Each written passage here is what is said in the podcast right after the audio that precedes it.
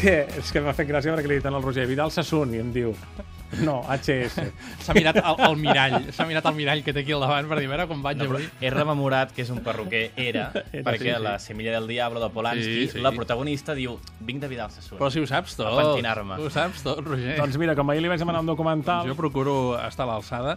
Avui parlem de documentals, aprofitant la mort de Vidal Sassoon, considerat el millor perruquer de la història. No sé si és exagerat o no, no sóc realment expert en la temàtica, però diuen que sí, que realment va ser un home que va introduir en aquest sector idees realment innovadores. A la pel·lícula es diu que segurament és l'Apple de l'època dels 60. No sé si és exagerat o no, però us um, pot, eh, no sé, fer una idea sobre aquest home que va viure en un orfenat, que va tenir un origen realment molt humil, que amb 14 anys va treballar de missatger en bicicleta en plena guerra i que la pel·lícula us oferirà moltíssimes imatges mm, de l'època i sobretot de quina manera Vidal Sassoon es va inspirar per eh, convertir aquesta idea trencadora que tenia de la perruqueria en, en, en realitat, no?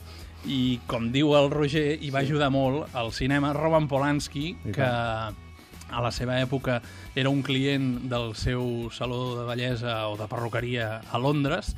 Repulsion, una de les enormes pel·lícules de Polanski, aquí em sembla que el seu dia la vam també comentar quan va sortir en DVD, es va rodar en part en el seu saló i al cap d'un temps explica Vidal Sassoon a la pel·lícula que segurament perquè tenia com una mena de deute perquè es van estar més dies dels que calien en aquella sala doncs eh, Roman Polanski, quan va fer La llavor del diable, li va dir, escolta'm, per què no li fas el pentinat a Mia Farrow a la pel·lícula i a més a més introduïm la frase aquesta que acaba de mencionar el Roger, no? I, i bé, tot això va fer que Vidal Sassoon segurament encara es convertís en el referent que, que va ser en el seu dia i que de fet ho segueix sent. A mi és una pel·li que m'ha interessat moltíssim, que sí que té aquesta línia de clàssic biòpic, eh, documental biogràfic, eh, en el qual li falta potser una mica de crítica, no? Sembla que tot sigui molt maco i segurament la realitat eh, no acaba de ser ben bé com s'explica. Però aquestes coses passen. Però dona molta informació. Però clar, el documental representa que és la realitat en imatges, no?